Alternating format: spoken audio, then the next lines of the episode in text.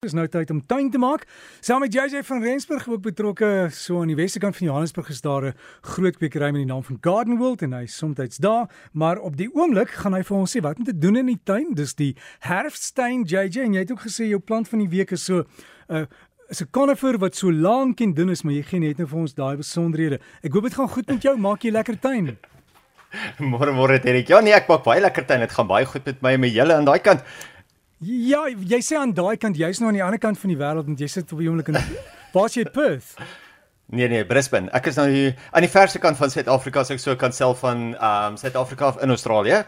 So dit is basies op die ooste wind, uh, op die ooste oh, kus, sorry. So net net bietjie verder aan in die see is daar 'n plek met die naam van New Caledonia. Ken jy dit? Uh, ek ken nie New Caledonia nie, nee, maar baie verder af in die see is daar 'n plek genaamd uh Hawaii.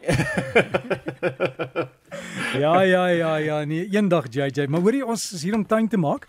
So, wat moet ons plant? Wat moet ons doen? Die blare val. Moet ons kompos maak? Ja, nee. Wie dit is eintlik is 'n bietjie vroeg vir kompos maak. Ons gaan bietjie later daaroor gesels, maar dit is dis is so maklik om om op die internet te gaan en plante te gaan soek of selfs raad te gaan vra. Maar die vraag wat 'n mens jouself moet vra is waar kry ek my antwoorde vandaan? Nie net hoe akkuraat die antwoord eintlik is nie, maar ook van wie af die oorsprong van die antwoord is, jy weet. Ek en my kollegas het al die snaakse antwoorde gekry want elke persoon wat 'n bydrae tot die internet maak, sit sy eie opinie op die internet en wanneer jy dit lees, kan jy dit van iemand in 'n warm droë streek soos die Noord-Kaap kry of dalk selfs van iemand in die woude van Alaska afkom, jy weet. So mense moet maar altyd kyk van waar af kom jou antwoorde. Ja, ons kan baie leer. Maar dit sal jou ook baie baat om dit wat jy gelees het met iemand by 'n kwekery plaaslik te bespreek en dan sal jy onmiddellik sien of dit wel die geval is of nie vir jou streek of dit by jou gaan aard en of die mense in jou omgewing wel vir jou ook dieselfde tipe raad gaan gee. Nou nie al die lande gebruik ook dieselfde kunsmisformules soos ons nie. Amerikaners sal sommer in plaas van 'n gewone 232 sommer 'n 18 18 18 gebruik, jy weet. So sodra mense ook hierdie interessante kunsmisformules sien, dan moet 'n mens weer eens by jou kwekery net gaan vra, hoor hierso, waarvan praat hierdie manne? Laat ons nou net op dieselfde bladsy kom en laat ons raad wat ons kry nou net reg Suid-Afrikaans is. Laat ons nou nie hierso vir 'n oorseese persoon wat dalk nie heeltemal ehm um, so ingelig is wat net iets op die internet gesit het nie, ehm um, om net glo nie, want onthou, niemand kyk eintlik of daai persoon wat nou goed op die internet laai werklik waar weet waarvan hy praat nie. En ongelukkig begin mense nou so in die internet te glo dat hulle sal na kwekery toe gaan en met die mense by die kwekery stry en hulle sê nee nee nee broer dis nie wat die internet sê nie. Die internet of Google sê hierdie of daai die volgende. So kyk maar net eers van waar af kom daai antwoorde en gaan gesels. Kry altyd al die raad in die wêreld en dan kan jy natuurlik kyk of dit wel by jou tuin of in jou tuin ook so die geval is So ek interessant hoe mense deesdae tuin maak en watter plante hulle plant. 'n Tendens wat ek van gehoor het, is om plante te selekteer wat ten minste 2 of meer van jou sintuie stimuleer. Nou natuurlik kan 'n mens nie jou plante altyd hoor nie, maar jy kan wel jou plante ryk sien, proe of voel. Nou alle plante wat gesien kan gesien word natuurlik, so almal behoort klaar jou sigsintuig te stimuleer. Maar natuurlik as daar so sagte blare van die lamsore is wat jy kan voel of die dorings op 'n kapokboom se stam wat jy weer eens kan voel, gaan dit weer eens 'n tweede van jou sintuie natuurlik um prikkel. Natuurlik met die sig kan 'n mens ook nou weer kyk na die kleur wat die plante vir jou gee. So gee is dit net 'n groen plant wat daar staan of gaan dit eintlik werklik jou sig prikkel met pragtige blomme? Jy weet, weer jou sigsintuig stimuleer, stimuleer met pragtige blomme, helder blomme of net ietsie interessants aan die plant self. Saam met die gevoel gaan dit ook 'n gevoel wat die skadieboom byvoorbeeld vir jou gee. Dit gaan nie noodwendig net fisies dit wat jy kan voel nie, maar ook die gevoel wat 'n mens kry. Nou baie blomme ryk ook lekker, maar so ook die blare, byvoorbeeld van die lavendel, die basilikruid en nog baie meer. So natuurlik kan 'n mens dan so jou reuksintuig weer stimuleer. So mens kan deur jou tuin loop en jy kan ryk aan die blomme, jy kan ryk aan die plante, jy kan die blare bietjie tussen jou vingers vryf en weer eens kan jy so jou um sig jou jou jou uh, reuksintuig stimuleer saam met die sig. Natuurlik gee ook baie plante vir jou vrugte of bessies wat jy kan proe, maar so kan jy ook aan jou verskeie van jou kruie en jou groentes ook weer proe.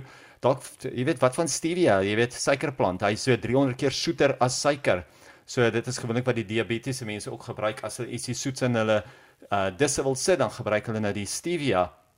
So kyk bietjie uit, gaan kyk bietjie deur jou tuin, watter plante het jy wat 3 of meer sintuie prikkel en as jy weer gaan plante by 'n kwekery koop, kyk bietjie hoeveel sintuie prikkel hulle. Moet hulle nie net koop net omdat hulle mooi groot groen is nie, jy weet, kyk bietjie wat anders gee hulle vir jou. Ek weet ek het rukkie terug te gepraat van dit is al tyd om jou pronkertjies in die grond te sit, maar dit was te warm geweest. Nou twee van die wintersaadvariteite wat uiteindelik op die rakke is, is die pronkertjies en die Namakolandse Madeliefs of Namakoland daisies, soos dit mos in Engels ken. Die dag en veral die aandtemperature was nog net te warm geweest om dit uit te sit, maar nou dat ons effens afkoel en die herfs betree, is dit die beste tyd om dit nou te saai.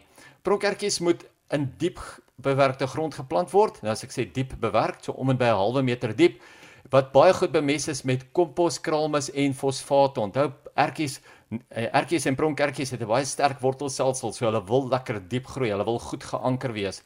Bes is ook om die saad en natuurlik in water oornag te laat week voordat jy dit saai.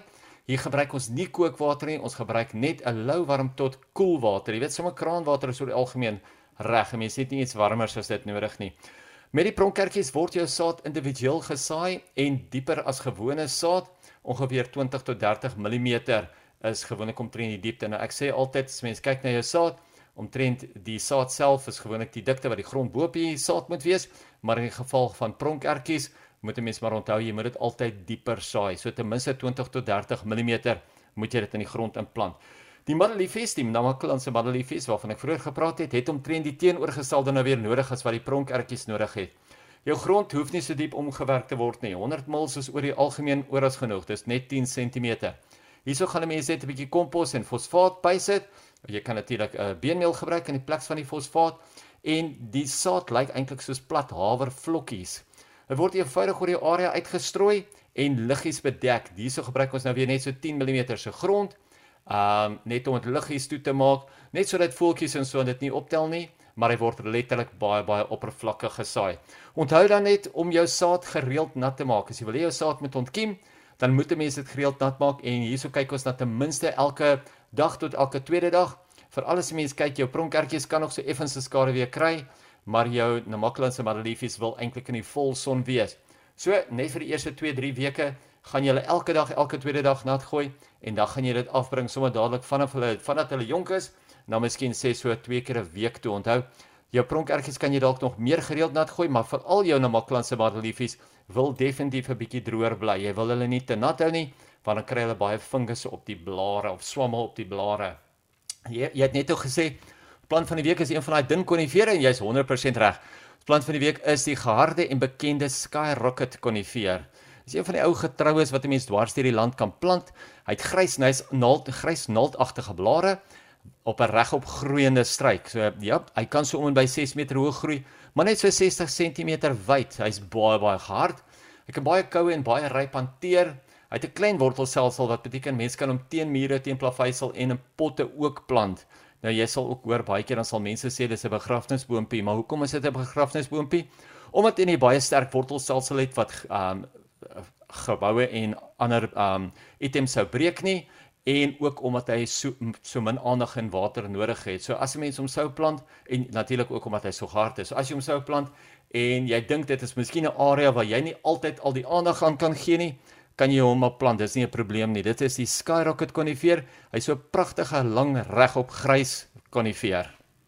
JJ, alles van die beste. Dankie vir al die raad en ons sal uitkyk vir die plant van die week. Het jy vir ons foto's op die breakfastblad geplaas? Ek het hulle klaar daar geplaas. Ek klaar die praatjie ook daarso. My vroutjie sit en tikkie so laat dit bars om alles gou op die uh, internet te kry. maar dit sal nou daar wees. Dankie dit aan JJ van Rensburg met ons tuinpraatjie en as jy daai foto's wil gaan kyk, dis op die Breakfast Facebookblad B R E K F U S die spelling. Sluit aan, kry die inligting en lekker tuin maak.